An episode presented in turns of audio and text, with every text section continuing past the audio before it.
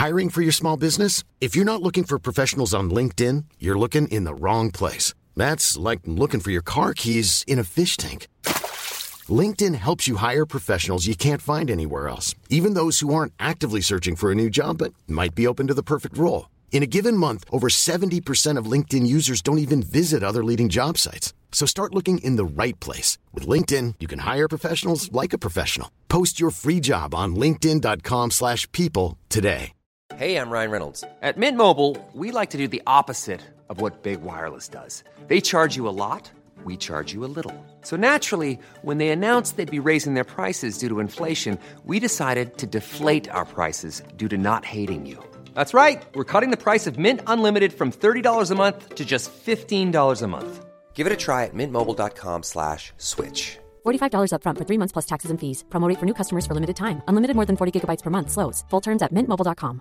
Everyone knows therapy is great for solving problems, but getting therapy has its own problems too, like finding the right therapist, fitting into their schedule, and of course, the cost. Well, BetterHelp can solve those problems. It's totally online and built around your schedule. It's surprisingly affordable too. Connect with a credentialed therapist by phone, video, or online chat, all from the comfort of your home. Visit betterhelp.com to learn more and save 10% on your first month. That's BetterHelp, H E L P. Totosvenskan och våra söndagsintervjuer gör vi såklart tillsammans med Simor. Här i helgen så hade vi premiär på Simor för en ny Beck-rulle och alldeles snart så sparkar vi igång den allsvenska säsongen. Då ser man den och superettan från Discovery Plus med sitt simor abonnemang Utöver detta så är det också så att Simor visar fotboll av allra högsta världsklass. Serie A, La Liga och för all del Champions League ser man på Simor. Så ni fattar själva vart jag vill komma. Gå och skaffa er ett simor abonnemang så är ni kittade för hela den här våren. Vi säger tack till Simor.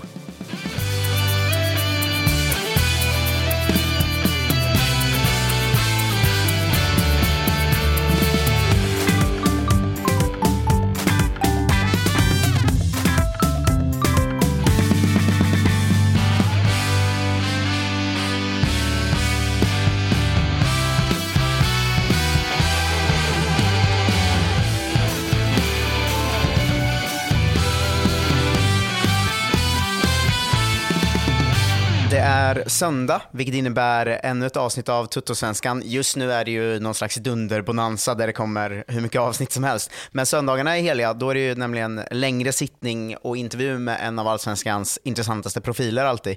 Och idag har vi ju enligt mig gått till det intressantaste av borgar, alltså Platinum Cars Arena eller Parken och eh, gjort den första längre poddintervjun som någonsin har gjorts med Arnold Sigurdsson. Hur var, hur var det för dig eh, Agge? Väldigt spännande. Det är ju, alltså vi som verkar i, i den här världen och i den här branschen på något sätt, det är ju Speciellt att, eh, framförallt tycker jag, prata och intervjua spelare. Det är ju ganska ofta liksom sarg ut och de, de, de, många tycker att media är lite, det är ett onödigt ont och så vidare och så vidare. Men jag kände verkligen, alltså genuint att det här var, dels att Arnor själv tyckte att det var en trevlig stund. Mm. Eh, och han imponerade på mig som människa. Spelare, det har han redan gjort så, att säga. Men, men eh, väldigt roligt att lära känna honom lite på djupet, för det, det upplevde jag verkligen att vi gjorde. Ja, vi ska säga att vi får köra svenska och han engelska, för att han, ja. han var inte riktigt bekväm med svenskan. Men eh, jag tyckte det funkade kanon ändå. Och jag håller verkligen med dig om att eh, man imponerades av att han svarade på allting. Alltså vi pratade ju om, om kriget i Ryssland, vi pratade om den dåliga perioden i, i Italien och, och han var jävligt mogen när han resonerade om, om allt tyckte jag. Så att jag är fan förvånad över vilken intressant, eh, nästan 90 minuter det, det, här blev ändå. För att som du säger, spelare kan ju vara lite, lite luriga, men jag tyckte det, det var kanon verkligen. Ja, men verkligen. Och, eh, och precis som med de tidigare avsnitten med, med både Jocke Persson och Hasse Larsson så det är klart att det blir mycket IFK Norrköping och, och det här är ju framförallt en, eh, en hommage till alla Peking-supportrar där ute. Men alltså, jag som aik tyckte det var superkul att sitta här jag tror och är verkligen övertygad om att alla allsvenska supportrar där ute kommer att tycka att de här 90 minuterna är värdefulla och intressanta. För att eh, det var ja, men högt och lågt som, som mm. de här intervjuerna ska vara. Både om personen själv men, men också rent fotbollsmässiga och taktiska saker. Så att, eh, vi hoppas att ni är nöjda med den mixen. Du, också att han avslöjar hur nära det var med Napoli och, Ja. och att höra honom prata om hur han som 18-åring gör mål mot Roma och Real och sånt där i Champions League, det är ju fan gåshud alltså. Ja, trots att det är i närtid har man nästan, i alla fall jag, såklart inte du kanske, men, men jag hade ändå nästan sådär, ja, men hur, hur bra var han egentligen under de här åren då? Jag blev påmind om att vilken jävla talang det fortfarande är, för att han är inte gammal, men vilken otrolig talang han var när han kom fram. Det är eh, sanslöst. Ja, man vill ju inte slänga sig med för bra för allsvenskan, men ibland, Nej, det- ibland får man fan göra det. Ja. Eh, ska vi sluta babbla och skicka över till eh, Platinum Cars Arena, eller Parken som den så skämtsamt kallas då. Det gör vi. Tranquility Base here. The Eagle has landed. Tutto Svenskans bortabuss rullar vidare och har landat i Norrköping eh, för en första längre poddsittning, tror jag, med Allsvenskans, enligt mig, bästa spelare, enligt många, absolut bästa spelare. Eh, Arno Sigurdsson, hej där. Hej. Eh, jag ska säga att Spångberg är med också. Mm. Känns eh, kul och lite speciellt att sitta på parken som det fortfarande är för mig i ett konferensrum och blicka bort över bortaläktaren där jag är van att stå när jag är i Norrköping. Men nu får jag sitta här med, med Arnor så att det, och med dig. Det känns väldigt roligt. Ja, jag, brukar, jag har ju klubbpoddat en del här förut. Då måste man ju vara noga med att säga Platinum Cars Arena. Ah, Men här kan jag säga Parken. Jag kan säga parken och komma undan med det. Eh, Exakt. Eh, Men som vanligt tänker jag att vi ska börja med våra, vårt kortare frågebälte liksom, och sen ta oss in i intervjun. Eh, Och då är första frågan helt enkelt hela ditt namn, inklusive smeknamn och andra namn om du har några sådana. It's just uh, Arnold Sigurdsson. Ah, ni jobbar inte så mycket mellannamn på We Island? do, but uh, not in my case. Ah, och inga smeknamn heller? Nej. För du kallas ju Sigge lite Ja. här. But it's just Arnold Sigurdsson. Some uh, some people have like a middle name, like we call it, uh, but it's usually just three names. Men Sigge är en svensk grej som, som man säger väl i Norrköping. Har du haft något så namn i, i Ryssland eller Italien som de har kallat det för? Eller har det bara varit Arnor eller vad? No, it's been uh, it's always been Sigge. Ah, Okej. It, it started first here. It was just Arnor because then I was the only Arnor. um, but then in in Russia it started with Sigge. Ah, okej. uh, Italy as well. And when uh, Trasten came here, came here, uh, so it was Sigge. okej.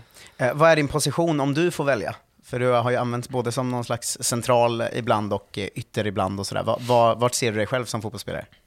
Like you said, I've been playing on the left wing. I've also been playing behind the striker, and I, I, I can play both, and I like playing both. It just depends also on like uh, how the other team is playing, where the space is. Um, so sometimes against some teams it's better for me to stay central, and sometimes it's better for me to stay on the left wing. Jag tänker att det är en sån eh, expertåsikt som folk har haft lite, har jag sett, både i höstas och nu under våren, att när du spelar på en kant att du inte blir lika involverad som många vill då, eftersom som du, du styr mycket av anfallsspelet och sådär, eh, men kanske skulle kunna styra ännu mer. Eh, ser du det som en sån grej att det skulle kunna vara bättre att ligga lite mer centralt? Uh, yeah, I agree. I feel uh, often when I play more central, I'm more involved in, uh, for example, the, the build-up. When I'm on the wing, it's more like when we already are on the last third. That's when I receive the ball. So I, I understand that people discuss that I'm more involved in the game when I play central, and sometimes I feel that myself. But like I said, it's, it's just uh, it depends a little bit how on how the game is involving and uh, how the game is uh, being played. Var kommer du ifrån?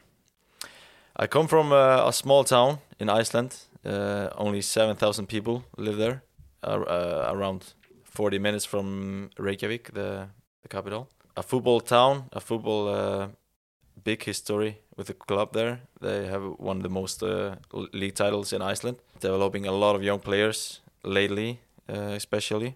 So, yeah, Akranes is where I'm from. Uh, and Ak- yeah. Det har kommit ett gäng därifrån till IFK Norrköping och annars också va? Vad är det som gör att det kommer så mycket fotbollsspelare från en så liten plats? I think it's uh, the culture, uh, how we how we grow up and how we are raised. Uh, it's a little bit like never never give up mentality, and you have to work for what you want to earn. That nothing is nothing is for granted, and and you should work more than others. A little bit like that.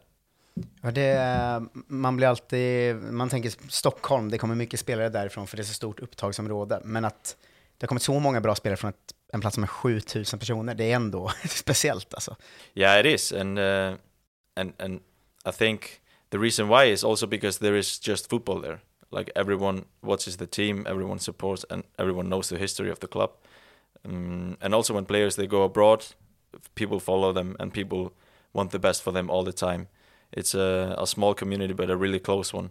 And I think that's also helped me as a football player now going abroad, dealing with different situations, um, just looking back where you come from and what kind of culture and family that is.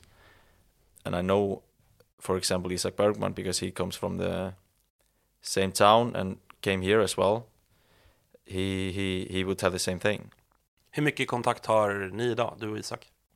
Uh, we have a lot of contact. We we speak often, and when he decided to come here, he obviously spoke to me first before taking that decision, and then I followed all, all his all his game and uh, watched him grow here, which was uh, fantastic because he was doing the same thing that I did, and and I pretty much told him to take that step because I believed that it was the right for him, because he is a little bit like uh, myself with the mentality and with the focus and the work ethic. Um, so and we we obviously play together now in the national team, so that's where we talk and we also talk just to see how, how he's doing and how how things are going.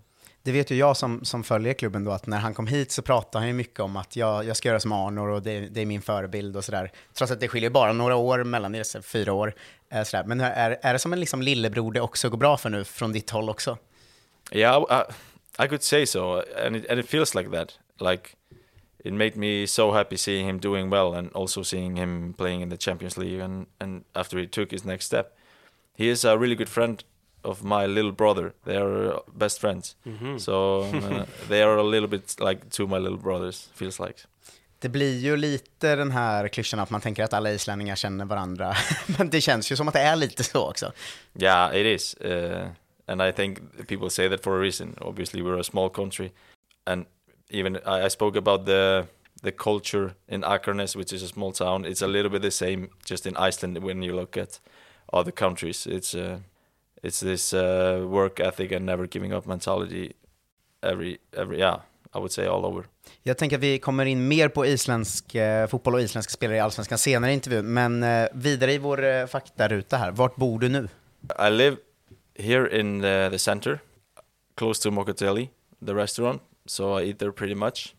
Yeah, last time I lived here behind Parken, the, but I felt like coming back it was a little bit too close to the stadium, so I could a little bit go away from from the work. But um, no, I, I really love being here, uh, living here, the the city and the people. It's.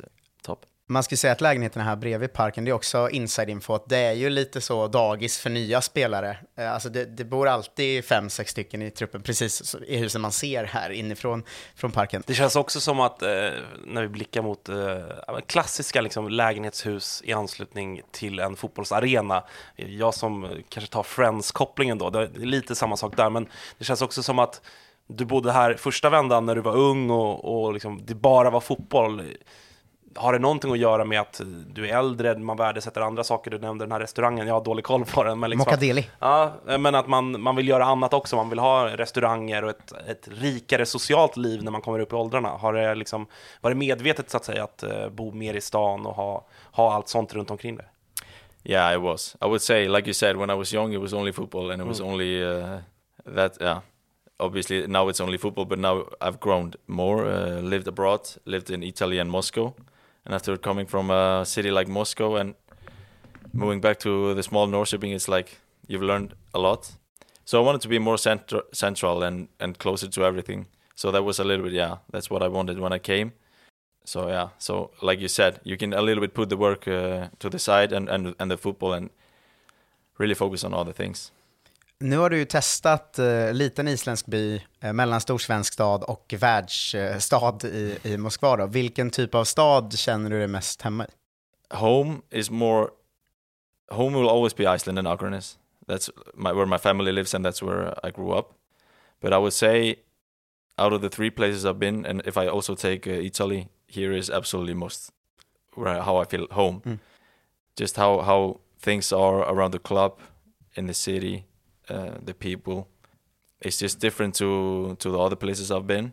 Obviously, Moscow is uh, like you said, there is 16 million people that lives there, so that's a lot. But I would say Akranes is is always home, but this is my second home. Du utstrålar ju ändå lite storstad. Jag tycker hela din, eh, din personlighet säger kanske mer New York än Norrköping på vissa sätt. Eh, Men det är ändå här du trivs bäst alltså. Yeah, I think uh, obviously I loved living in in Moscow. Um, I love the city and, and the culture and how it surprised me really when I when I moved there after the World Cup. But this is a a bit more like I felt when I came back here it was like uh, I could breathe out a little bit. Like it was so much happening all the time in Moscow. Uh, so many people, so much traffic, so noise all the time and, and stuff like that. Just a big city. But here is like uh, this silence and you can just really relax. Hur viktigt är det att trivas i, eh, liksom, runt om livet för att fotbollen ska gå bra? För det vet man ju vissa spelare som pratar om att så här, ah, resten är skitsamma, jag fokuserar bara på fotboll. Men man har också sett exempel på spelare som så här, inte trivs i en stad och då, då är de inget bra. Liksom. Hur viktigt är det för dig att ditt, trivas i ditt liv för att fotbollen ska fungera? No, I think it. Uh, I think it. It's so important to to feel good at where you, where you live and and because let's say you spend two hours a day training, but then the rest you're doing something else. You're at home, so if you feel good two hours a day, it's not good. And obviously, if you feel bad outside the pitch and you don't you don't feel uh, comfortable and that you're able to relax and rest and, and feel good, then the, it will come up to the performance on the pitch. No matter what you say, you cannot just uh, throw that away when you show up to training because the way you feel outside the pitch, and I could just say the the decision that I made coming back here was a lot because of that. I know how I how I feel outside of the pitch, and then when you feel good outside of the pitch and you feel comfortable and you're getting everything you need, um, then you will see the performance change and then you will start to perform at your best. Jag tänker att vi, vi också ska komma in mer på eh, liksom, trivsel i för, föregående klubbar och här sen. Men vi ska jobba oss igenom de här frågorna på något sätt. Uh, hade du något lag du höll på när du var liten? Yeah, it's always been uh, Arsenal in the Premier League. So it's quite good times now after uh, quite some years uh, with difficulty. But it was always Arsenal. I've been there a couple of times at Emirates. Um, it started with my with grandpa. He really put it Arsenal in my and my uncle as well. So it's been Arsenal since I was young. Vad var det som, eh, förutom familje, vilka spelare var det du, du såg upp till? Du var lite för ung för att uppleva Henri, eller? Yeah, Den eran var yeah, lite I tidigt. was. It was more uh, Fabregas and uh, Van Persie. Ja, just That, det. uh, so I would say that that two players was uh, were the best then. Vi brukar ha en del här där vi liksom eh, rabblar folk som är födda samma år som du är och så ska du liksom gissa så, vad, vad har de här gemensamt? Och så kommer vi fram till att de är födda 1999 då. Men grejen med 99 att det är så ungt att det var en så dålig lista. Att jag kunde liksom bara säga Alexander Isak, Mondo Duplantis och Arne Sigurdsson, vad har de gemensamt? Eh, men du är född 99, du fyller 24 i år och eh, det känns som du har hunnit med väldigt mycket, men känner du dig fortfarande som en liksom ung spelare? Not a young player, but not an old player. I feel uh, I feel obviously I'm still young. I'm 23. I'm turning 24. But I think the way my career have been, I feel a bit older than I am because I have uh, I've done a lot and I've achieved uh, things that I on, a, on an early age. Went through uh, tough periods, had to grow fast and learn fast. So I absolutely don't feel as like a young young talent anymore because I want to be seen as a good player, not a potential player. So yeah, I would say not a young player, but not old yet. Men Jag tänker med fotbollsspel i fyra länder och Champions League och Europa League och allt du, du har hunnit med, att man kan ju på vissa sätt säga att det är en av allsvenskans mer rutinerade spelare och ändå är du bara 23. Alltså hur förhåller man sig till den, den rollen att i det här laget kanske du är en av de som har gjort mest, men du är också en av de som är yngst. Hur förhåller man sig till den, den rollen liksom? Um, no, I feel I can only use that uh, as a good thing, um, both for myself and for my team. Because, like you said, I've been there. I played at the highest club football stage, Champions League, Europa League. I know what it takes to to play there, and I know what it's like to play there. So I can bring that and help, for example, our young players and also just the team in general of uh, in many ways with my experience and also with the national team football. Now I have uh, I think 25, 26 games with the national team. So these are these are games that um, I can take a lot from and bring and uh, spread out to the team. du var extremt ung när du flyttade till Sverige och Norrköping första vändan och, och som vi varit inne på, varit med länge trots att du fortfarande är ung. Vad skulle du säga var det svåraste med att ändå slå igenom så tidigt som du gjorde? Vad var, vad var jobbigast, vad var tuffast? I think just the step uh, moving moving away from home was hard, but the way Norrköping treated me and helped me with uh, Jens Gustafsson at the time, it was just fantastic.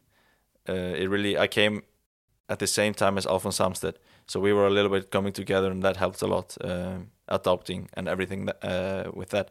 So I would say Norrköping did a fantastic job um, with that, how they treated me when I was young, because I was, like you said, I was 17, but one year later I was in the starting lineup, so it didn't go too fast but it went at the right time and it was just up to me to make sure things went right and uh, like i said jens gave me the trust which i will be forever thankful for Det, det är väldigt mycket jag säger att vi ska återkomma till senare. Men eh, laga mat eller hämta mat?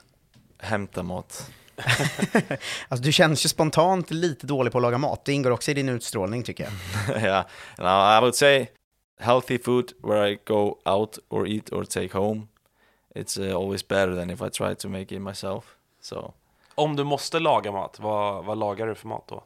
i think i would go for uh, either tacos or uh, some kind of chicken Det känns som kyckling och ris är ofta spelarnas eh, svar. yeah it is it's pretty much uh, 8 out of 10 i think Jag är lite, jag måste, jag fastnar i matfrågor, jag är ju väldigt matintresserad själv. Den, den isländska matkulturen är för mig eh, obevandrad väg så att säga. Vad, vad är liksom, jag antar att det är mycket fisk och, och den typen av, av saker, men vad, din favoritmaträtt på Island, vad, vad är det? I, I think, like you said, it's uh, it's a lot of fish, and uh, my grandpa and I, we we sometimes when I'm in Iceland, we go out and and what do you say, hunt fish or catch fish, yeah. And then he makes a fish himself, and I think that's my favorite Icelandic food when uh, my grandpa makes his uh, fish, yeah. And in white, it's like uh, torsk, ja. uh, so that I would say I would go for that as my favorite Det är ett Icelandic. mysigt svar. Farfars torsk. Ja, det, verkligen. Det tycker jag verkligen. Älskvärt. Eh, det, det osar stuga och, och eh, Island. Vad har du i garaget? Do you mean my car or just the things I Bilen. Uh, I have a, a Mercedes uh, C63 from uh, my guy Sike at Platinum Cars. Det är ett stort eh, bilintresse eller? Yeah, I think uh, uh, I love cars and I, I love uh, nice things. So when I came back here, and obviously Platinum has their top top uh, cars, and then I went visiting him, and, I, and then I see, saw this car, and I went went for it. Det känns ju som du gillar flärden eh, ganska mycket också. Jag kommer ihåg när du flyttade till Ryssland att det kom upp någon bild i någon privatjet och lite sådär. Eh, var det mycket att du var ung och fick in mycket pengar eller finns det kvar ett sånt, eh, ja men att gilla de flashiga grejerna? No, I still uh, I still like that. But obviously, when you're young and you get a lot of money, you uh, you enjoy it. But I have my parents; uh, they really are there for me all the time, and they also make sure that I do the right things. Of, of course, with the money as well. So it was not like I was spending all my money, but uh, I also want to live high, and I think it's just kind of a hobby um, next to the football, which which I like. Vilket är ditt dummaste köp? That's a good question. yeah, no, I, I don't know really. I think I've never bought anything. I was like, what was I doing there? Because most of the, for example, the private jet rides were in middle of COVID, and uh, that was also just fixed with the clubs. So maybe it looked like I was just showing off in a private jet. it was not. I was. It was just really me getting home from COVID uh, situations. But no, I've never bought anything. I'm like, why did I do this? It's more. Uh, Ja, nu gjorde jag det här. uh, exactly. Eh, jag tror att jag kanske vet svaret på den här frågan då, men den är ju med i alla avsnitt. Så tjänar du över eller under den allsvenska snittlönen, vilket är ungefär 100k? Över. Ganska bra över. Hur, hur fungerar det där med... eh, Du sitter väl fortfarande på betalning från din ryska klubb gissar jag, eller? Nej. Det är inte så? No. Okej, okej. Det hade jag faktiskt inte koll på. Bra, bra att få veta. Om du bara fick lyssna på en låt resten av ditt liv, vilken skulle det vara? Och du får inte välja någon klubbhymn eller sådär. I think I would go for Dior with Pop Smoke.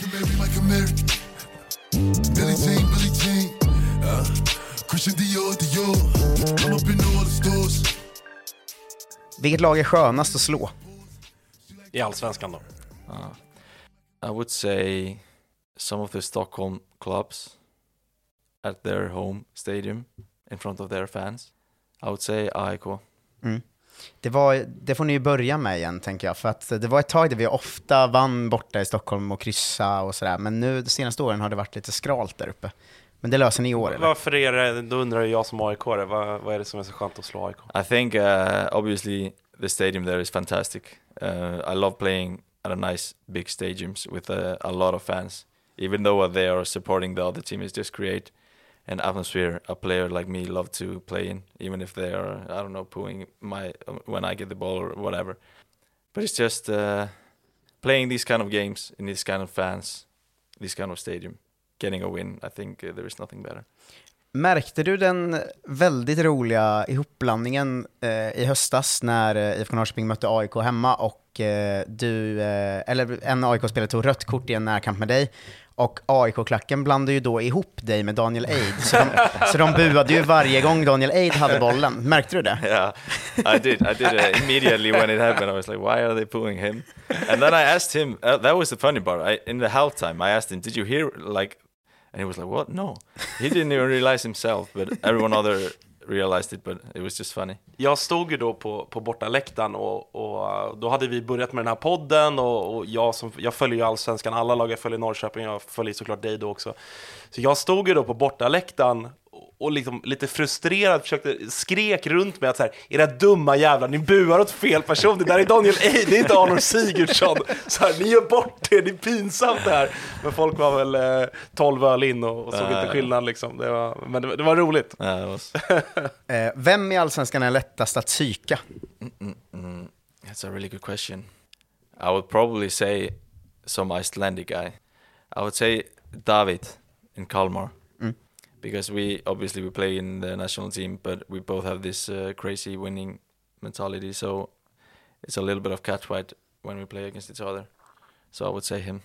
Du har ju en eh, spelstil där du, du jobbar ju ändå med en del psykningar och halvtjafs och lite filmningar ibland och sådär. Uh, det känns som du gör det på en nivå som är mer utländsk än svensk sen du kom hem. Är det, är det något man tar med sig att det är ganska bra att vara duktig på den delen av fotboll också? Yeah, I think uh, after playing abroad, uh, after playing against the best teams in the world, both club and uh, national teams, you see that these players they are, are really they are douchebags. Um, obviously, they are crazy talented. They play beautiful football, but when it comes to some tackles, some uh, corners, like they are, yeah, they are the worst and and all, that that goes in your mind because for for example when we are the underdog CSKA going to play Real Madrid and then Modric is uh, stepping on your toes and he's uh, saying that you're shit and uh, things like that then you realize okay they are not nice but they are uh, really good footballers. But then after the game they shake your hand and they show respect. It's just it's just how the winners win I would say. Tycker, tycker du att vi är för dåliga och lite väl känsliga? För att det finns ju alltid en diskussion om, eh, ja, men om filmningar eller små fula tjuvknep och allt det här. Min bild, sen kanske man som svensk har liksom extra bra koll på Sverige såklart, men tycker att vi är lite för känsliga mot det i Sverige? Att det är väl bara att inse att det är en del av fotbollen idag. Man måste göra allt som krävs för att vinna. Det tycker jag man ser när, när svenska lag är ute och, och kvalar i Europa, att vi, vi blir ofta frustrerade på motståndarna, de bara ligger ner hela tiden, de, de klagar på domarna och, och allt det här. Tycker du att vi, vi borde bli bättre på det i Sverige? Uh, yeah, I would say so. I think absolutely that, um, like you said, the you need to do a lot of things to win a football game, and that's not always the most beautiful things because at the end of the game, it's either three points or zero points, uh, and no one is asking, "How did you get these three points?" It's just when the whistle blows, you win or lose. And me as a player, I would do anything to to win, and even if that's uh, sometimes not the most beautiful or the most fair things, but at the end, I will always show my respect to the referees, to the opponents, and uh, whoever is involved in the game. But I also feel that in Sweden, we're a little bit, like you said, we don't do that as much as it, you see it abroad. Because if you watch a Premier League game and how the players are reacting to the referees, example, how how the referees are working with the players, a little bit protecting them, Um, here I feel a little bit more that it's uh, both the teams against the ref and the ref is against the teams. It's um, I think there are a lot of emotions in football, and you see that especially at the highest level how how the top players are and uh, without the ball uh, when they want a free kick when they want something. I think we can do it a, a little bit better in Sweden, yeah, but at the same time, I'm I'm not saying it's bad, but uh, after playing abroad and playing at this level, you see the difference. Känner du att svenska domare kan gå på det där lite ibland? För jag kan uppleva ibland att de kan gå in i en match och tänka så här, Arnor han är en sån som filmar, han ska inte få frispark vad som än händer. Så där. Och sen filmar du lite också, och då blir domaren sur och så får du inte frispark sen när du väl får en tackling på riktigt. Att det blir nästan som en, som en liten match mellan dig och domaren där. Upplever du också det, eller är det något som jag som supporter bara tänker ibland? No, I've I've uh, I've obviously felt that, and um, like you said, I'm that kind of player that gets kicked a lot, and I know I will I will be kicked a lot this season as well. But so it's it's it's just different. Some referees do they do it really good, and uh, for example, last time we played against uh, Gothenburg, the referee came up to me before the game. He said, "I will protect you, but I want you at the same time to show me respect and things like that." And then I, I appreciate that. And that game there was no problem because if a referee is working with the players and I know what he is thinking, so it's not me against the ref. It's uh, and obviously in that game I didn't always get a free kick, but then I understand. I know he is protecting me and he is protecting uh, uh, the players, which is important for me. Uh, but at the same time, I will I will not stand here and say, yeah, Swedish referees they they don't uh, do that and that because I have a lot of respect from them, and I think they are they are not bad. But like you said, sometimes I feel like it gets a little bit heat between me and the ref. But I will I will also learn from that because that's in Italy, for example, you can shout whatever you want to the ref, and he won't. He will just say, "Ah, shut up!" Like uh, it's a little bit like that. But here, uh, first three games, I think I got like two yellow cards for shouting at the ref. So I learned uh, the hard way. But uh, yeah. Ja, det var lite att man kände så här, han kommer vara bäst i tre matcher och sen avstängd. ja, exakt. Det, ja, nej, men det där är också tycker jag intressant med, med domar. För det är också en, det är en stor diskussion i Sverige. Eh, jämfört med, med de flesta andra länder i Europa idag. Med, nu fick, eh, när vi spelar in det här så, så har eh, dagen innan Djurgården åkt ut mot Lech Poznan i, i Europa Conference League och fick för första gången i alla fall eh, deras supportrar erfara VAR. Eh, hur liksom, för dig då som har erfarenhet från internationell fotboll och som alla förstår ju att du kommer inte vara förmodligen i Norrköping resten av ditt liv. Hur, liksom, hur ser du, du på det som fotbollsspelare? För att vi supportrar är ju, är ju liksom, en del tycker väl kanske att det är bra, men jag vet att både jag och Marcus, eh, vi gillar ju inte VAR för att det tar bort den här glädjen för, på läktarna och man kan inte riktigt fira ett mål för att man vet inte om det var en, Mm. en stort offside och det här. För dig som spelare, hur ser du på hela VAR-diskussionen som finns? I played with war in Russia. That was like the first year that war came in, mm, and then it was everything took so long time. It was like new there, Mm. so it was not really developed as it's now. For example, at the World Cup, um, so everything took time, and they were like looking at everything for five minutes, and everyone was waiting, and the supporters couldn't start celebrate like you said. And I totally understand that the supporters don't want that because how football was uh, before it was like if it was a goal it was a goal you looked at the linesman if the flag was down it was a goal and no, was, no one was going to check if it was a goal or not so i understand that but at the same time, time it's uh, i think war is is here and it's it's to be it's to stay in in the world football. Like it was at the world cup i think that there we saw like the best version of it so far that i i thought of.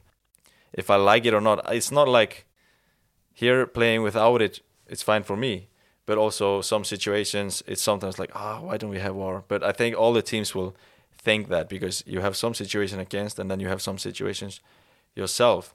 So if uh, they were going to start with war here i think they have to prepare it really really good before they start using it. So it wouldn't be when they start using it it's not really ready. It takes time. It's like uh, what situation are we going to check and what are we not going to check? So it has to be a clear 100% uh, how it's going to work, like step by step, and, and if they're going to use it. Vi ska också säga det att eh, i dagarna så har ju också IFK Norrköpings medlemmar på ert årsmöte beslutat att klubben ska verka mot VAR, eh, vilket ju de flesta andra allsvenska klubbar också har gjort. Så har vi, har vi det fört i protokollet. Majoritet av eh, klubbarna Mm. eh, numera. Eh, du har ju varit runt en del. Vad är det konstigaste eller märkligaste som har hänt under en match?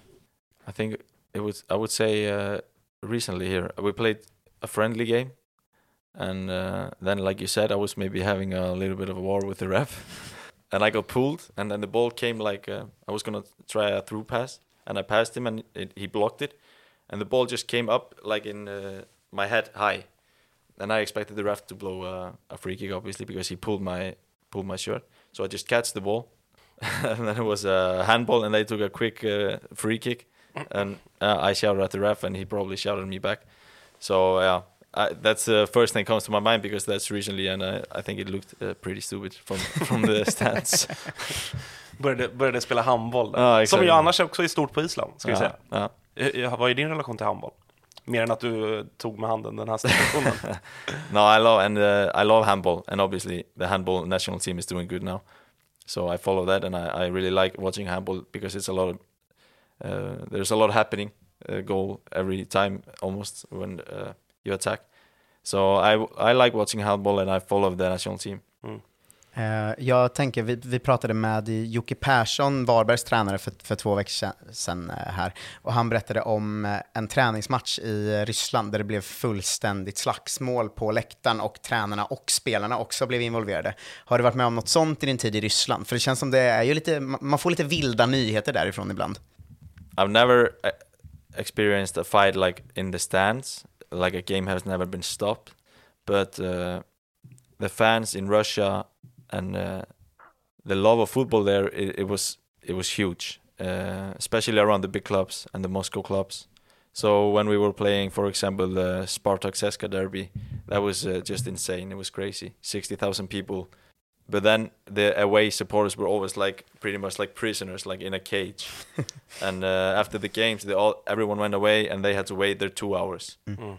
So after the game, and uh, then a lot of polices, and uh, so it, it's a it's a nice experience because you you see how much it means to the people, and also how crazy passionate they are. Du som varit där eh, i Ryssland där det är extremt passionerat och sådär, hur ser du på svenska supportrar? För de är ju också ofta omtalade som, ja, men som passionerade och bra att de, de flesta klubbarna har dem och sådär. Hur, hur ser du på den svenska supporterkulturen? No, I I, uh, I take my hat off for for all the fans in Sweden. I really love, uh, and like you said, after going abroad and after coming back, the the passion and the love of football here in Sweden, it's it's unbelievable. And for for me as a player, I like I said, I love these games where the fans are really amazing. And and for example, playing against the Stockholm team here when when they fill our stadium, is these are the games we we started playing football for. These are the games we love playing and we wait for playing. So even if it's uh, not Norrköping fans, I I think what what the Swedish fans are doing is uh, amazing and it's fantastic. Jag tänker sista eh, snabbfrågan då, eh, vad är vi, 40 minuter in eller någonting. Eh, om du ska dra din CV, eh, berätta vilka klubbar du varit och eh, vilken tid, lite snabbt så att alla har koll på det. Nu har vi ju smånämnt det lite sådär, men om du vill dra från, från start till idag. Yeah, so I made my debut in Akranes uh, 2015, I think. Yeah. Då är du 16 alltså. Ja. säga. And then I took the step to Norrköping 17, turning 18, so 2017. Uh, was here for one and a half year. Before 2018, I moved to Moscow, CSKA. I played there 2018, 19, 20, and then I went on loan to Venezia, 21, 22. Uh, played Serie A with Venezia, and then the situation came up with the war in Russia, so I decided to come back home, like I say, to Norrköping. And here I am. Jag tänker att vi kan ta vidare då, att det var ju ganska många som höjde på ögonbrynen när du kom hem till Norrköping, och kanske ännu mer när du började spela och man såg vilken, vilken kvalitet eh, i poäng framförallt. Det var ju en poäng per match i snitt under hösten. Vad var det som gjorde att du faktiskt landade i, i IFK Norrköping igen? Like I said, it was it was a diff- difficult situation with the, in the world and uh, a sad situation, I would say.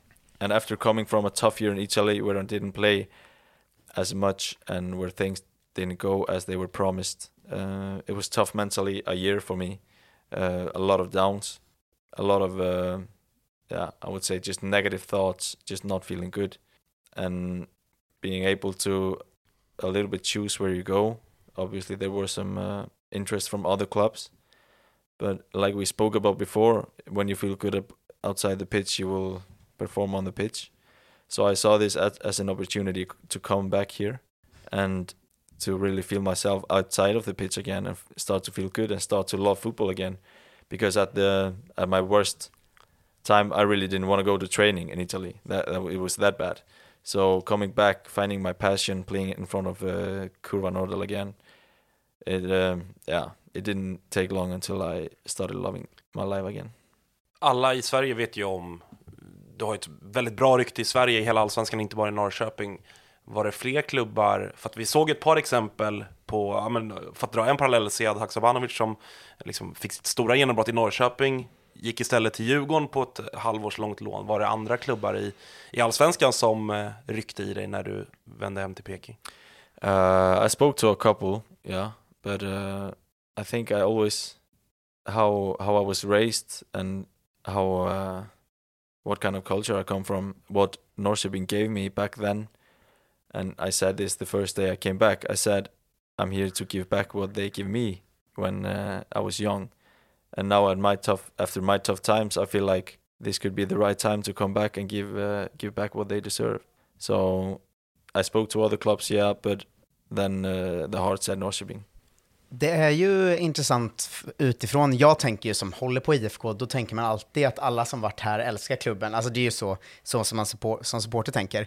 Men det är ju ändå många som har frågat att varför har han så starka känslor för IFK Norrköping? För du var här i ett och ett halvt år och sådär, men är det liksom, det känns som din klubb på något sätt?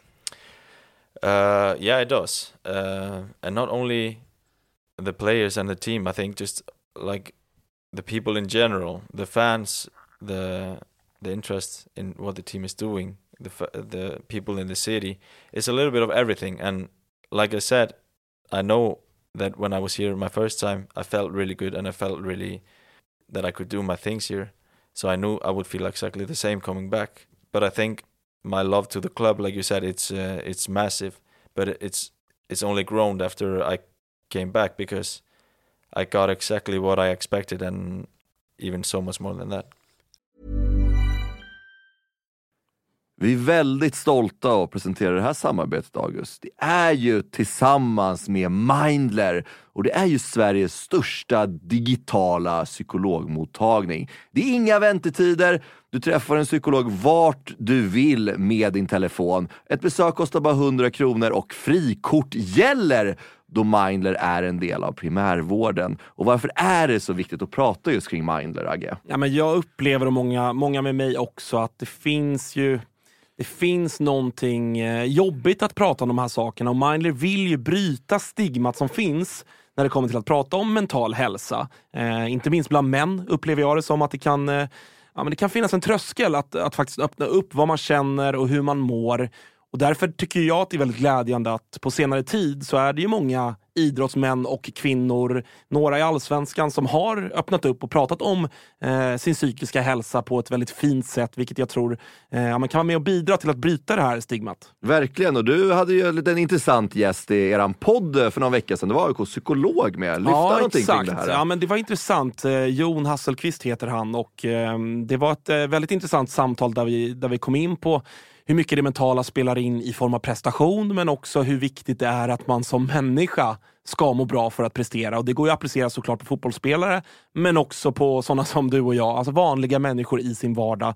Att det är, eh, det är viktigt att lyfta upp det här till ytan och att eh, hantera det. Verkligen, och känner ni att ni vill ha någon att prata med så finns ju Mindler där för er. Och det som är så himla bra är att du väljer själv vilken psykolog du vill prata med och du kan byta om du känner att ni inte riktigt klickar. Och Mindler finns ju för alla som är plus 18 år. Så gå in på mindler.se och läs lite mer och boka din tid hos en psykolog redan nu om ni känner att ni behöver liksom hjälp kring det här ämnet. Stort tack till Mindler.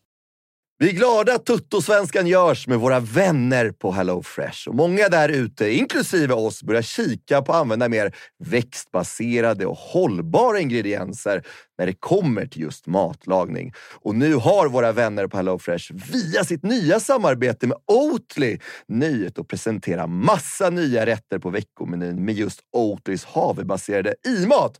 Och varför i matdage? Ja, men det är väl kanske en fråga man ställer sig, men det är ju så att det är en ingrediens med 61 procent mindre eh, CO2-utsläpp och 83 procent mindre mättat fett än traditionell grädde. Så det är ett väldigt bra substitut. Ja, men och denna vecka så har vi kollat på HelloFresh hemsida och eh, botaniserat lite kring recepten som innehåller just i-mat. Och min tydliga, tydliga favorit är den soltorkad tomat rigatonin som ju har då lite soltorkade tomater, det är körsbärstomater, det är rucola, zucchini, riven ost, Ja, men ni hör, en väldig massa smaskiga grejer som blir en krämig pasta. Just att använda rigatonin, Freddy, som jag vet att du gillar också, som just suger upp all den här såsen. Mm, den är en favorit hos mig. Verkligen, och jag gick faktiskt händelserna i förväg och testade redan förra veckan deras medelhavsinspirerade räkgryta med just i-matsåsen och sen lite, lite, lite fint långkornigt ris. Eh, och Agge, vi har ju som vanligt en kanonkod också med våra vänner på HelloFresh. Den, den, den, den hoppas jag folk kan nu. Ja, det är ju Fresh Tutto. Du får upp till 1359 kronor i rabatt på dina fem första kassar om du inte har prövat HelloFresh ännu. Plus fri frakt på den första matkassen. Och det som är så bra, har du inte använt HelloFresh på över 12 månader så gäller koden även dig. Så gå in på hellofresh.se och lägg en beställning på en riktigt fin matkasse redan nu. Testa HelloFresh, testa Oatlys i-mat. Vi säger stort tack HelloFresh. Vi är sponsrade av eh, MQ, August. Eh, Mm. Det har varit, eh, vi har gått nu hela säsongerna. Först vinter och sen så förvår när man ska ha overshirts på sig. Man kanske vill ha en liten fleece. Och nu äntligen är försommaren här. Och då kommer också Dobbers nya sommarkollektion som de kallar för Sunset Horizon Club. Den här spången är inspirerad av surfen. Just det. Det, det, det är väldigt... så Om, Vad har du för relation till surfen? Ja, men stor relation. Varit i Brisbane eh, Ja, och eh, där är mycket windsurfing. Sen så ner till Byron Bay där, där jag testade på vågsurfing. Och sen höll jag på att stryka med på, eller utanför Kota Beach då, när det kom en sju meters våg och tog mig. Ja. En minut och 30 sekunder senare så hittade jag upp till någon slags yta, skrapsår överallt. Den här kollektionen är då inspirerad av eh, surfen. Det kan man se i silhuetterna. Det är väldigt trendy att eh, gå i lite mer raka silhuetter nu för tiden.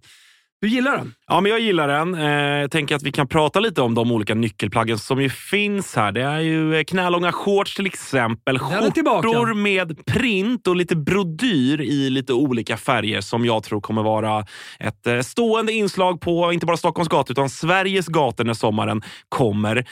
Vi har också en hel del overshirts till de eh, lite ljumna sommarkvällarna. Sen så gillar jag en trend som har kommit som också hittar in i Dobbers eh, sommarkollektion här som är sets med både shorts och overshirt. Exakt. Kortärmad overshirt som man Mm. kan gå, gå runt i. Jag, jag gillar det.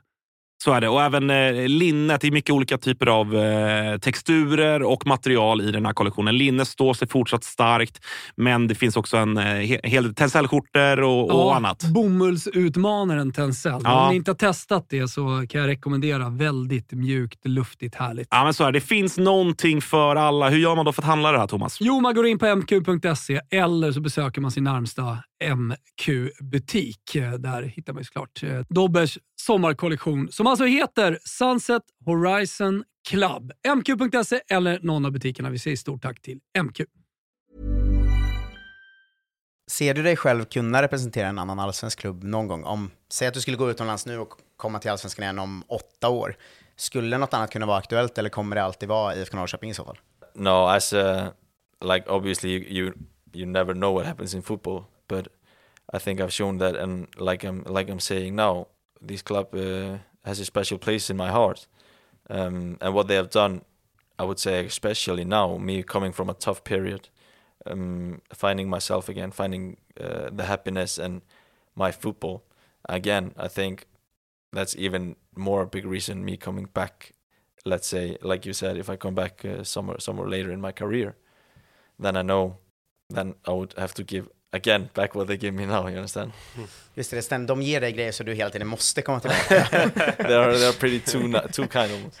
Men eh, jag tycker, jag tycker det är intressant ändå den här diskussionen för att jag menar, fo- fotbollen av idag, det är väldigt liksom det är väldigt få spelare som på något sätt, många vill ju såklart eh, vara älskade av supportrarna och man pratar om att man älskar en klubb och allt det här, men, men det, är- det, är, det är mer sällsynt idag med spelare som kanske tillhör samma klubb hela sin karriär, men även sådär, ja, men, jag ska inte kasta skit på honom nu, men ta Haksabanovic som exempel, att då gick han till Djurgården ett halvår, vilket såklart Norrköpingssupportrarna blev besvikna över. Hur mycket pratar ni fotbollsspelare om den här typen av saker? Om klubbhjärta, om... Jag menar inte att man måste vara, du ska spela i Norrköping resten av ditt liv, men att så här, bo, tycker du att det borde vara viktigare för spelare att fan värdesätt din lojalitet och kärleken du har från de supportrarna som står här varje match och stöttar dig, snarare än att du får 30 000 mer i månaden hos Djurgården? Alltså Mm. den, den typen av grejer. Pratar ni någonting om det, spelare emellan? Um, we maybe not talk about it much, but obviously you you see it and uh, you think about it yourself, and sometimes you discuss it with with other people. But I think just me as a person, it was it was never about the money coming back to Sweden, because then I wouldn't have come back to Sweden. um, it's just giving back, and like you said, to the to the persons what they what they gave you, and why can't I give them back what do you understand what I mean? Yeah. That so, like you said, we have a lot of fantastic big clubs in Sweden, and I have a massive respect for for all of them and all the clubs. But it was just, it was never a question for me when Norrköping came that coming back here, and now I sit here today and say that was the right decision. Det tycker jag, till och med jag som aik jag är ju en sån romantiker. Liksom. Jag, så jag uppskattar ju alla som faktiskt eh, värdesätter den typen av lojalitet oavsett vilken klubb det handlar om. Eh, ditt kontrakt med IFK Norrköping, lånekontraktet, nu går ut i sommar. Eh, det har ju varit mycket snack om det fram och tillbaka, vad som ska hända. Om du fick välja helt själv, eh, går du till en större liga eller är du kvar här i, i Norrköping i höst? I have a lot of ambitions and I want to play at the highest level again. So obviously if that option comes, it's the right time for me to take the next step. I'm 24 this year. I'm not getting any younger. Uh, and I want to play Champions League again. I want to play in the top leagues again because I've been there. I've been playing Serie A and I know what it is and that's where I want to be. So like I said, every every football player wants to play at a high level. When that time comes, it's just a question if it's in the summer or if it's in one year. That's just uh, what I have to see. Obviously, it's not a easy situation and a simple situation with things happening in Russia at the moment. So it also depends a little bit on that, how things are going there and, and how, how how things will be in the summer. But I have uh, a big goals and I put a lot of pressure on myself and I want to perform uh, and I want to play at the highest level. So yeah, I w- that's that's where I'm going. Det finns ingen eh, chans att du går och spelar i Ryssland igen? No, not. Uh, I would say not after what is happening and what what has happened. I think I wanna uh, stand a little bit on my foot and and show what I think as a person because what's happening there is not okay. And I feel me as a footballer, I can I can uh, say my opinion. And obviously, uh, it's it has nothing to do with the club and it has nothing to do with CSKA as a football club because I love my time there and I love the people around the club.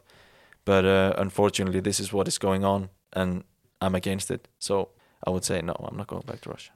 Hur tänker du annars då kring, eh, vi- pratade lite om eh, Arsenal som, som favoritklubb sedan du var liten och du har varit i Italien och, och sådär. Vad, vad, har du någon liksom drömliga eller Arsenal kanske är drömlaget eller vad, vad tänker du nu kring nästa steg? Vart, vart tror du att du skulle passa fotbollsmässigt? I vilken, vilken typ av fotboll, vilken liga?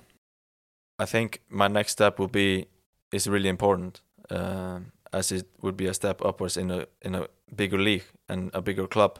But it has to be the right step because uh, my next step is obviously not going to be, for example, Arsenal. So it has to fit my football. It has to be uh, attacking wise team that are thinking attacking wise. Maybe open league, which uh, there is a lot of goals scored. So I don't know Holland, and now Italy is changing a little bit, and I really liked Italy, and I think that league fits me, even though it didn't work out the first time. Mm, but my dream is to play either La Liga or Premier League. But like I said, that's not going to be my next step, I think. So next is next step is really important football wise, and I and I think I have to think a lot about what's right for me. Vad var det, jag, jag följer ju både spansk och italiensk fotboll framförallt ganska mycket. Vad var det som inte funkade i Venezia? Du sa att du knappt ville gå upp och träna. Liksom. Det var, var en jobbig tid för dig. Vad, vad var det som inte, inte funkade? Looking back, I think I learned so much that year, and I did a lot of things so wrong. But it was I think I played total 120 minutes in nine games or something like that, which is yeah, uh, 90 minutes plus extra time. So that's what that was really what didn't work out. I wasn't getting the playing time, and I felt like whatever I was doing, I was not gonna get that playing time. Only just 10 minutes here and there. And what can you do in 10 minutes? Like, it's tough. But I treated some situation just badly with my attitude. I, w- I thought I was, in my opinion, I was the best player in the team, but it, apparently not the coach's opinion. um, but just looking back and the reason I went there, what they said to me that I would be a starting 11 player, I can make my mistakes and I will be there to learn. Mm. None of that happened. So that was also a little bit in my head. Like you said, so many things, and here I am. So that was also tough for me. But like I said, I learned so much from this year, which I will now be able to use with me when I take my next step. And if I get into some same situations, I know how to handle it differently.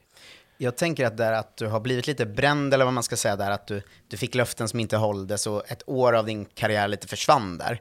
Är det något som gör att man kanske tänker efter riktigt noga om det hör av sig någon lite halvstökig klubb från Belgien, att man, man liksom, nej jag ska, nog, jag ska nog avvakta här.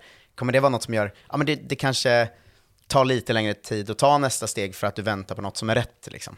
Yeah, absolutely. And that's why also I said my next step is really important because I know I took the wrong step next last time I was going to take that step to jump up to a bigger club.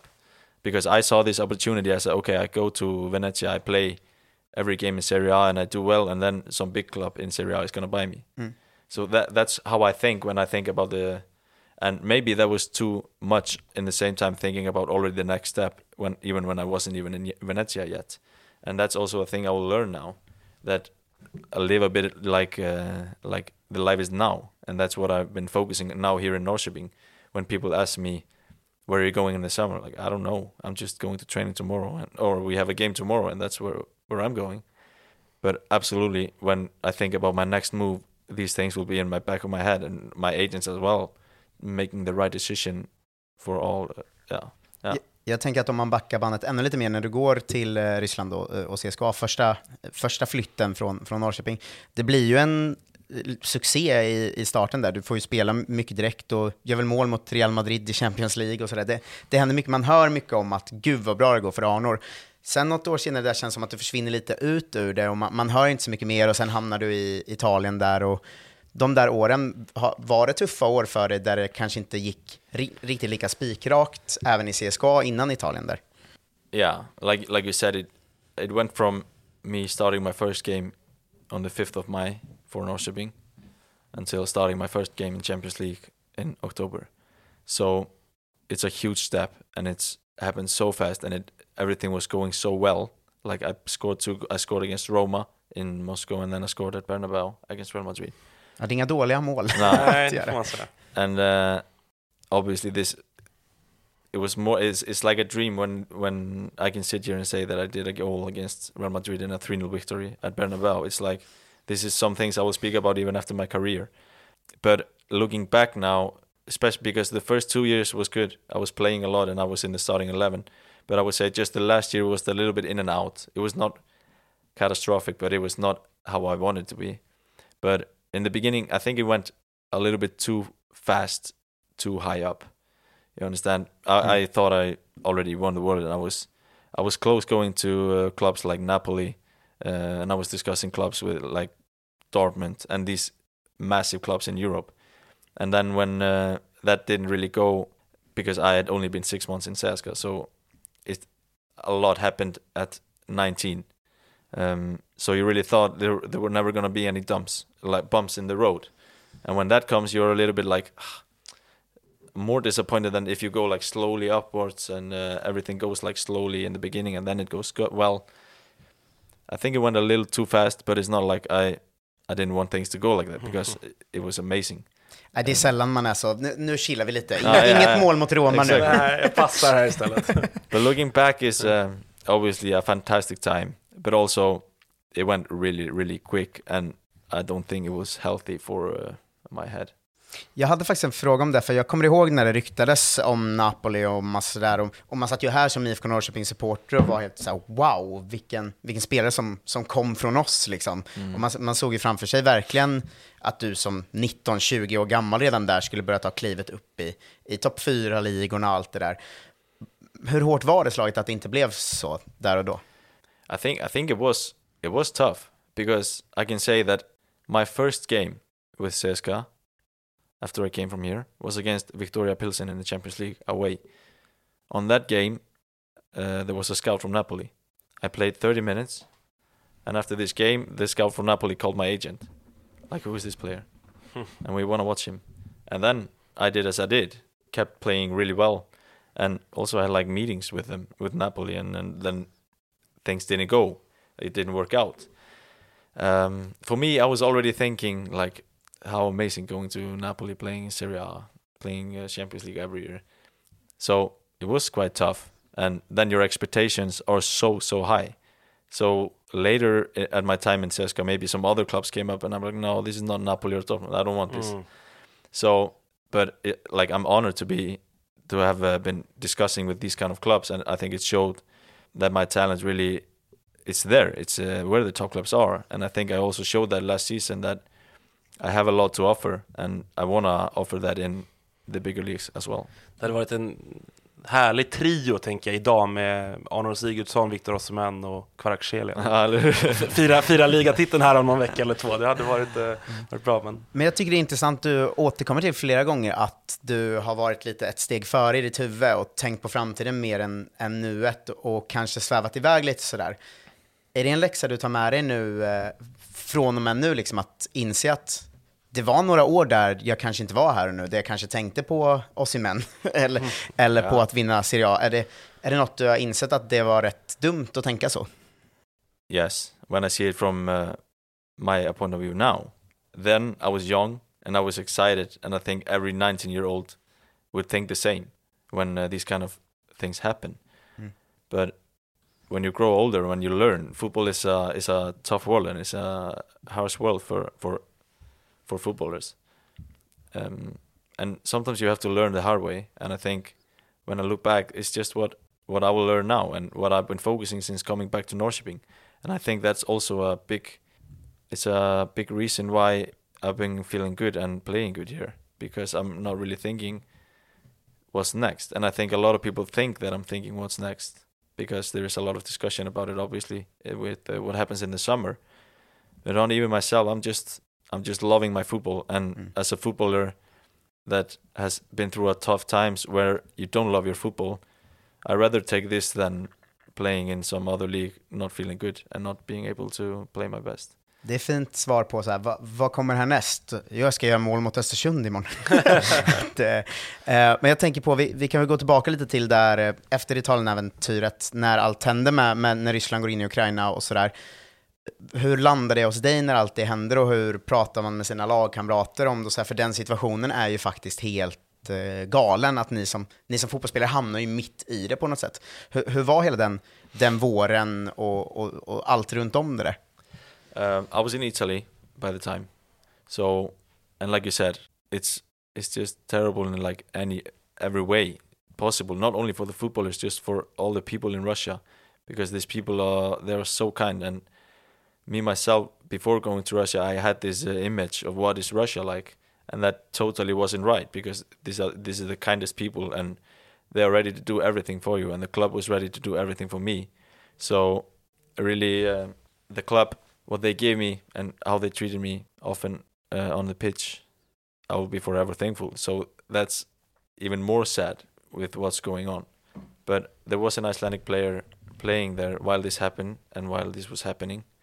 So it was weird, and I was like in contact, like how how are things like, and they were taking train for 20 hours to play a game because they couldn't fly. So there, I think there was a lot of small things and a lot of things that impacted uh, everything obviously. Har du någon kontakt med dina gamla lagkamrater, eller nuvarande, du är ju på lån liksom, men de, de som tillhör eh, CSKA? A lot of the foreign players when I was playing there also left. So there are not many players left, foreign players that played there. Obviously, some Russians are left, but I'm not so in a, in a contact with them now. But I speak a little bit about with uh, with the staff members I knew, or on how things are going, and I know that some of them um, already left the country. So it's just sad, and and some things are more important than football. And when when these kind of things happen in football, it's and not in football, just in the world, it impacts everything, not only the football world, just lives of so many people that absolutely don't deserve it. Har du fått, eh, har du fått mycket skit utifrån efter det, det som pågår just nu i Ukraina hände? För att jag menar, det finns ju en koppling från CSKA Moskva, historiskt sett i alla fall så är det liksom militärklubben i Ryssland och så. Och det finns ju de som säkert tycker att eh, du aldrig borde ha gått dit från första början. Har du fått liksom mycket hat och skit från supportrar eller eh, folk att du ändå var där så att säga? Och fortfarande tillhör klubben? I got that in the beginning Mm. when I made this decision to really, really cancel my contract for a year. Then uh, they didn't understand why, because I don't think they really, they were not really thinking it from my point of view. But like I said, I stand on my decision, and this is just this is more than football. And when uh, I can stand up for something that is important for me, I do that. And I got yeah a lot of uh, hate in the beginning, I would say, but it's not been much since then.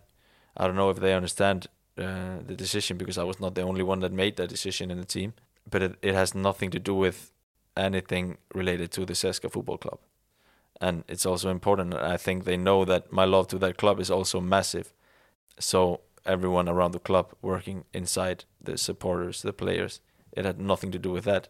It was just me making the decision because of what is happening is not okay. Nu, nu pratar ju du om det och det har du gjort tidigare också och, och säger ju verkligen att ja, men du är emot det här kriget och du kommer inte kunna spela där mer och sådär.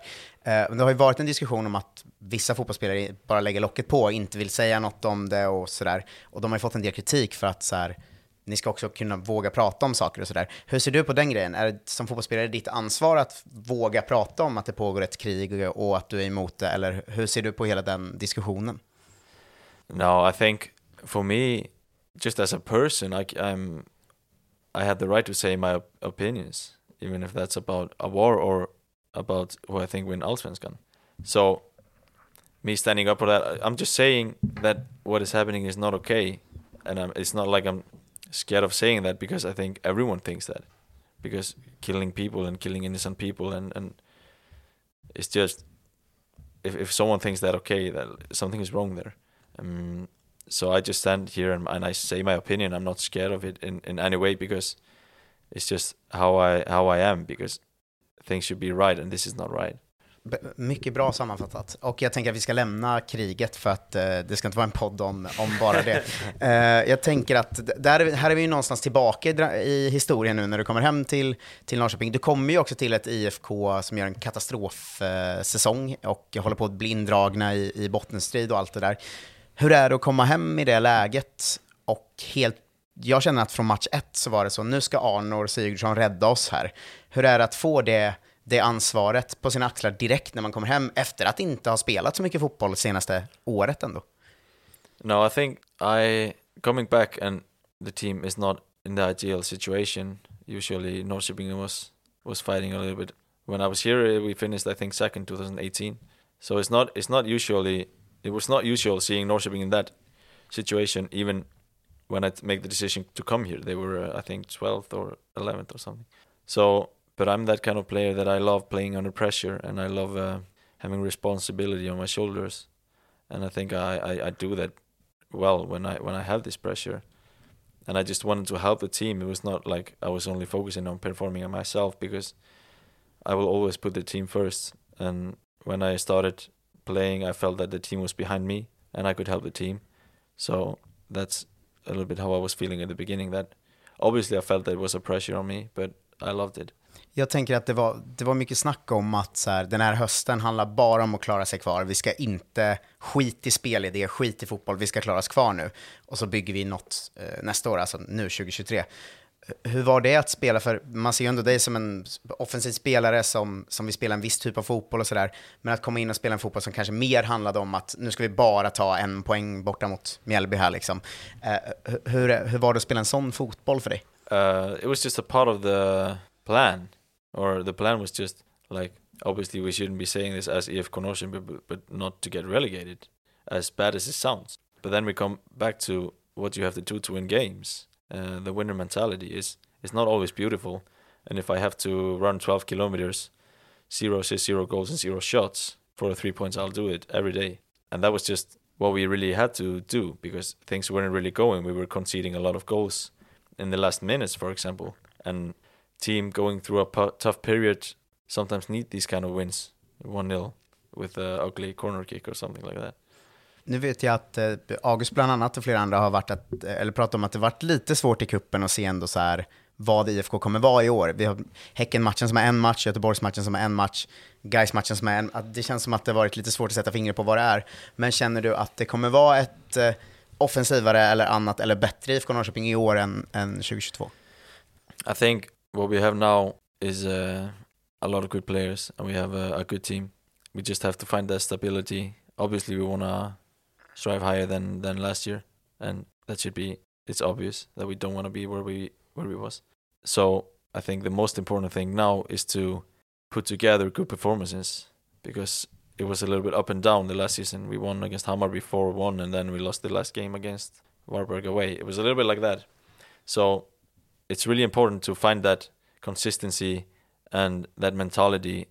And I think just putting last season a little bit behind us because there were a lot of things that was uh, how would you say affecting or in our minds. Just for example conceding goals in the last minute. We did that like three times and then it was 90 minutes and the other team scored. Then it was a little bit like okay it's gonna happen again. So we just have to start at the point zero and really focus on just one game at a time and putting the best performances because we have what Glenn is coming putting into the team and what, what his ideas they are more coming up now because obviously like last year it was just about finishing the season so I'm excited and I know the team is excited and I think we we we are ready Det jag tycker att man har sett hittills under framförallt kuppspelet är att det har varit ja, men, ganska stora delar av matcherna har ni legat väldigt lågt, men att det har gått ganska fort när ni väl har ställt om. Är det, är det den typen av Norrköping du tror att vi kommer få se här under, även under allsvenskan? Att ni kanske inte kommer ha jättemycket boll i alla matcher, men när ni går, då jävlar, då jävlar går ni ofta, ofta genom dig så att säga. Är det det som Glenn och, och trycker på? och Det är det ni kommer vara ert eh, vassaste vapen i matcherna? I would say it, it really depends on the games, what team you are playing against. Uh, but absolutely, we want to also play high and we want to keep the ball high and keep the possession and control the games.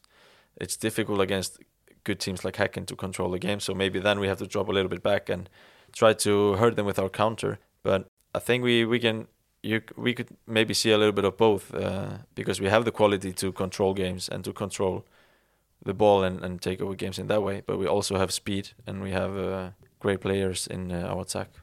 Nu har man kanske inte fått se hans fotboll eh, riktigt än, men vad är din bild av Glenn som tränare? He's a winner. He will do everything uh, to win. There is no bullshit. It's uh, it's strict, Hmm. but uh, that's how it should be, and that's what Norrköpings need now. Uh, Hundred percent. He is. Uh, I think I would, if I would describe him, he's a he's a really kind person, and he is just the person that wants to make everyone better around him and wants to help everyone. Um, so me as a player, having this kind of relationship with a coach is uh, so much appreciated, and he has helped me a lot also just growing as a player with his experience. So we will see uh, a more like a Norrköping as a team, not as 11 players this year. Du, du nämner att han är liksom väldigt snäll och bryr sig om folk och sådär. Um, men man har ju också sett en hel del hårtorkar. Alltså, det finns ju ilska i den eh, mannen. Liksom. Hur är kombinationen däremellan? Är det mer att man liksom, han kan vara riktigt arg på plan och riktigt snäll utanför? Eller, eller hur fungerar han som, som person på och utanför plan där? För man har ju sett honom vara extremt arg ett gäng gånger. Yeah, yeah, and I think that's uh, that's the winning mentality coming in there, and uh, the winner in him when he's uh, shouting and screaming, and but he's doing that because he wants the best out of every player, and he is really pushing us. And a football player that doesn't like to be pushed is not in the right sport.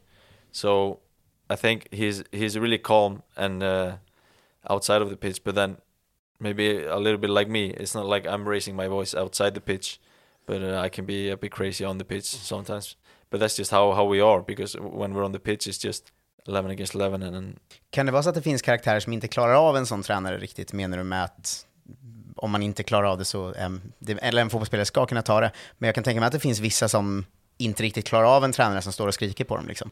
Yeah, I think I think what Glenn does is that he can shout at you, but when we walk inside the dressing room, he will sit next to you, put his hand around you, and talk to you in that way also. Because a lot of players, when they are shouted at, they get maybe nervous or uh, a little bit like worried and, and stuff like that. But what he does is he also talks to them just like this in an easy way and to comfort them. And uh, so he is uh, he's really fair in that way. Hur ser du på, liksom det, för det jag tycker är intressant, som också vi har pratat ganska mycket om i våran podd senaste veckorna, är det här med liksom stjärnglans och stjärnspelarna i allsvenskan och nu så här inför säsongen, det är vanligt att man gör listor på här är de bästa allsvenska spelarna och hej och eh, Vi inledde hela den här podden med att eh, vi sitter här med, med allsvenskans kanske bästa spelare, i alla fall enligt Tapper och kanske enligt mig också. Hur, hur, liksom, hur hanterar du det när du ska gå in inför en säsong så här? Norrköping kommer från en tuff säsong i fjol. Vi får se om du blir kvar hela, hela året, men oavsett, liksom, du går in inför en säsong där alla vet att ska Norrköping ha ett bra år, då måste Arnold Sigurdsson ha ett bra år. Hur liksom, är det, är det bara härligt och du växer av det, eller hur, hur liksom är det att gå in inför en tävlingssäsong med, med den typen av press som det ändå är? No, I think, like I said a little bit when I come here, I knew there was a pressure on me. Uh, now there is even more. But I use that as a good thing, and because I'm, I'm the one putting the most pressure on myself. And playing a football game, knowing that some eyes are on you, it's just I like that, and I like being the one that people is watching and that people is expecting something from. Because that really turns me on, and that's what gets me going. Liksom. Det känns som att du skulle kunna, eller jag ställer frågan så här, ty, tycker du att du är allsvenskans bästa spelare? I think we have a lot of really good players in uh, in the league, and we have uh, uh, national team players. We have a lot of different players, I would say. So it's hard to sit here and say like, yeah, I'm the best players in Allsvenskan. But I know, I understand, and I, I like the when people is saying their opinions, and it's not like uh, I hate the people for not putting me in first place because uh, I respect all the other players, and and but I th- I don't think you can like put one as a best best player. If if it's Ronaldo and Messi, you can do that. But you have such a different players. You have defenders, then you have midfielders, you have attackers. Like, what are you looking for? Mm. Are you looking for the players that does the most points, or are you looking for the one that is the best leader? So we have a lot of different good players. But like I said, I uh, I love when people discuss this, and uh, I just think it's it's nice. It's showing that people care and they have their opinions. Om du, om du liksom måste försöka välja någon annan, du får inte säga det själv då, vem sådär, för nu är det andra vändan i allsvenskan, här och nu, vem har du blivit extra imponerad över, som du kanske inte hade koll på sen innan eller sådär? Det kan vara i vilket lag som helst i, i serien. I think I would say uh, Samuel Gustafsson. Mm. Um, Han är otrolig alltså. Ja. he's a, a amazing player, and then Anders Christiansen in Malmö is also uh, like I could sit here and uh, count ten players which I think and which uh, I have a massive respect for. But if I should say one, I would say Samuel because uh, what a football player. Mm. Jag tänker lite i samma tema, att när man pratar om IFK Norrköping inför den här säsongen så nämner ju alla i princip bara dig hela tiden. Speciellt de som kanske inte har riktig koll på det, utan då säger man bara så här, men det handlar bara om Arnor, om han gör det bra eller inte. Men om du skulle säga några andra spelare som är IFK Norrköpings nycklar för att det ska funka den här säsongen, för det är ju faktiskt inte bara du som, som spelar där. Eh, vilka andra spelare är viktiga för att, för att IFK Norrköping ska gå bra i år? Du får Eh. inte heller säga alla.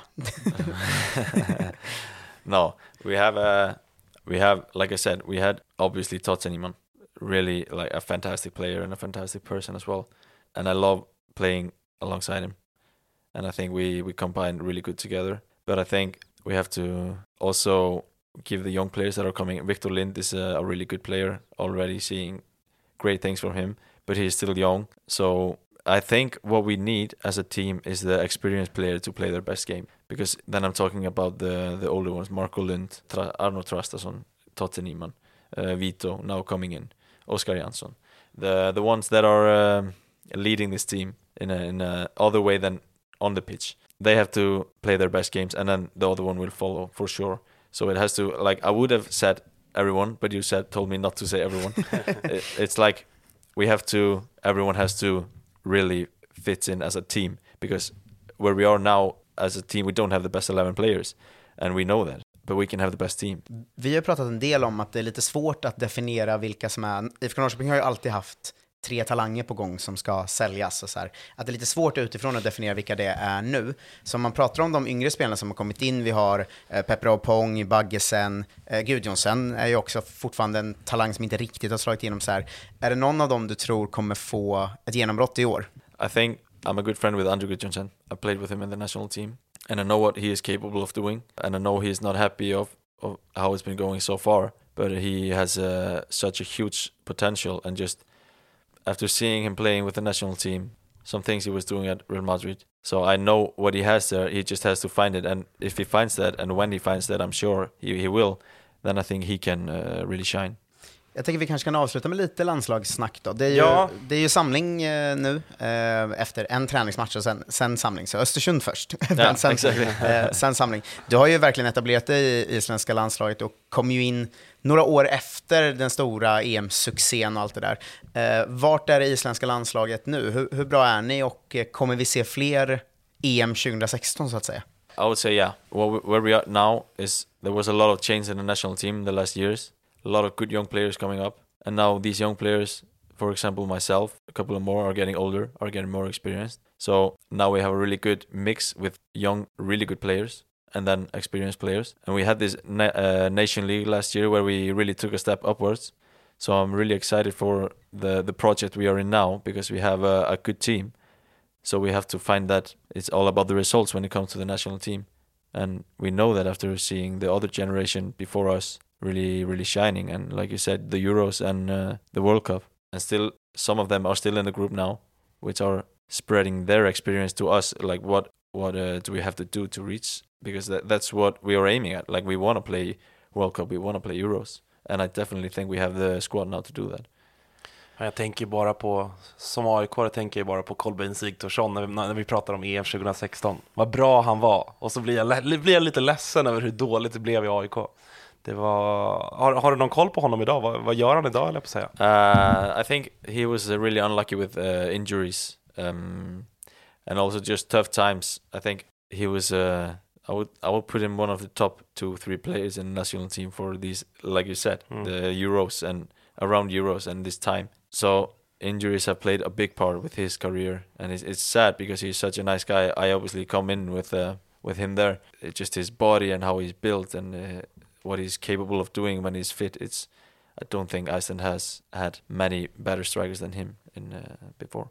Hur är, Norrköping går väl i främsta ledet vad gäller, vad gäller islänningar, men vi, vi pratade lite innan på vägen ner hit till, till Norrköping om isländska spelare i allsvenskan, för det har varit många och i, i nästan alla klubbar. Och min känsla är att ni är väldigt uppskattade i alla klubbar. I AIK har vi haft Helge Danielsson, eh, Höjker Höjksson och alla har varit väldigt, blivit tidigt liksom omtyckta av supportrarna och, och allt sånt där. Hur är liksom bilden av svensk fotboll och allsvenskan på Island? Är det en naturlig del av diskussionen när det kommer upp en ung spelare som du själv när du kom fram att eh, man tänker att hmm, bra steg, gå till Sverige först, sen ut i Europa. Är är det liksom en del av diskussionen av fotbollen på Island? Yeah, it is absolutely, and I think even more after uh, they've seen people or players take this way. For example, myself and uh, Isak Bergman, also Denmark. Icelandic people look really that the first step should be like to another Nordic country, but as it stands now, I think the Icelandic league is falling a bit too far from the top leagues, from Allsvenskan, from uh, the Danish league, um, the top clubs there. I think, uh, and just the top league in general. So when it comes to young players taking the first step, they have to be, I think, re- pretty special to be able to fit in the, one of these Allsvenskan team and uh, Superligan. Um, Det har ju faktiskt varit ett gäng spelare som kommit de senaste åren som inte riktigt har klarat av det och, och hamnat tillbaka på, på Island igen ju. yeah, and I think that's. Uh, Varför är det så? I think that's the reason. Like I said, the Icelandic league is falling a bit back. I don't know the reason. The quality is not the same, and at the same time, I just think the Swedish league and the Danish league and in, in Norway also that it's just growing. Uh, players are getting better, and they're just ahead. Simple, as simple as that. Jag tänker att mm, jag vill ändå nämna i och med att vi pratade om det att de senaste åren, inte just nu, men kanske mellan 2020 och 21 sådär, så var det ju faktiskt några rätt jobbiga rubriker kring isländska landslaget med eh, lite rättsliga fall och sådär. Hur påverkade det landslaget och, och isländsk fotboll att eh, ja, men det var ju i alla fall två spelare som, eh, som det kom ut lite tråkiga nyheter om så att säga. Liksom. Hur, hur påverkade det er, er andra? It affected us a lot, I would say. Uh, just the talk around the team, what what people were thinking. Like even after the changes have been made, it, it was a little bit towards the players that were just there to play for their national team. So I would say it was a period. At the same time, we were doing like a change of generation. Young players coming in, they felt this a little bit like in their face directly, and that was tough. But I think when we will look back at it in some years, it, it will just make us stronger. But I would say it clearly affected us when it came to how people were talking about it. Uh, Jag tänker vi ska börja avrunda. Uh, Jag vill ändå fråga om, du kom ju in uh, halvvägs in i förra säsongen, så det var ju efter att allt började hända. Men hur har det påverkat truppen att Kristoffer Cassini är tillbaka, är friskförklarad och, och spelar fotboll igen? No, it's just it's just amazing, and I think uh, it, it showed a lot how uh, everyone reacted after the game against Häcken. Uh, like you said, I wasn't here when when this happened, but obviously I heard about it, and I think it hit hit so many people. And just seeing him coming back, and me being able to witness him coming back because he is such a fantastic player. I hadn't seen much of him uh, before, but Man seeing- blev nästan chockad eh, att man var så här, just det, han är ju också jättebra. yeah, exactly, and that, that's what I was seeing in training already when he was starting coming more and more. I'm like, okay, this this guy is a really good player. But this, we come back to the things that are really more important than football, and this is one of them: the health. And seeing him coming back, doing what he loves, uh, it's just, it's just fantastic. Eh, Har du något sista du vill få med innan jag har min avslutningsfråga? Nej, jag är spänd på din avslutningsfråga istället. Ja, hur, du ska få eh, liksom ge betyg på min hunds namn. Min hund är tre år gammal och heter Stefan Tordarsson. Vad tycker du om det? Det är alltså sant. Yeah, I think uh, Stefan. Yeah, I think uh, you couldn't have chosen a better name for your dog. I, I guess he's a bit aggressive and and uh, like himself. But no, I know Stefan Toresson, and he also played a a big role of me deciding to come back here. Um, obviously, yeah. So if I get a dog, I might uh, rename him after him as well. Nej, då får du döpa till Oliver Stefansson. Ah, ja, just det. Eh, Vi ska säga till de som lyssnar, Stefan Toresson är ju alltså då en gammal IFK Norrköping-spelare. En av de eh, originallegenderna från Island så att säga här i klubben. Framförallt eh, älskad för att han fick ett rött kort en gång, gick upp till mittplan, tog av sig skorna, satte sig ner och vägrade lämna plan. Eh, men en riktig legend, Stefan Toresson. Eh, hörru Arnor, stort tack för att eh, du var med och lycka till i år. Yeah, thanks for having me.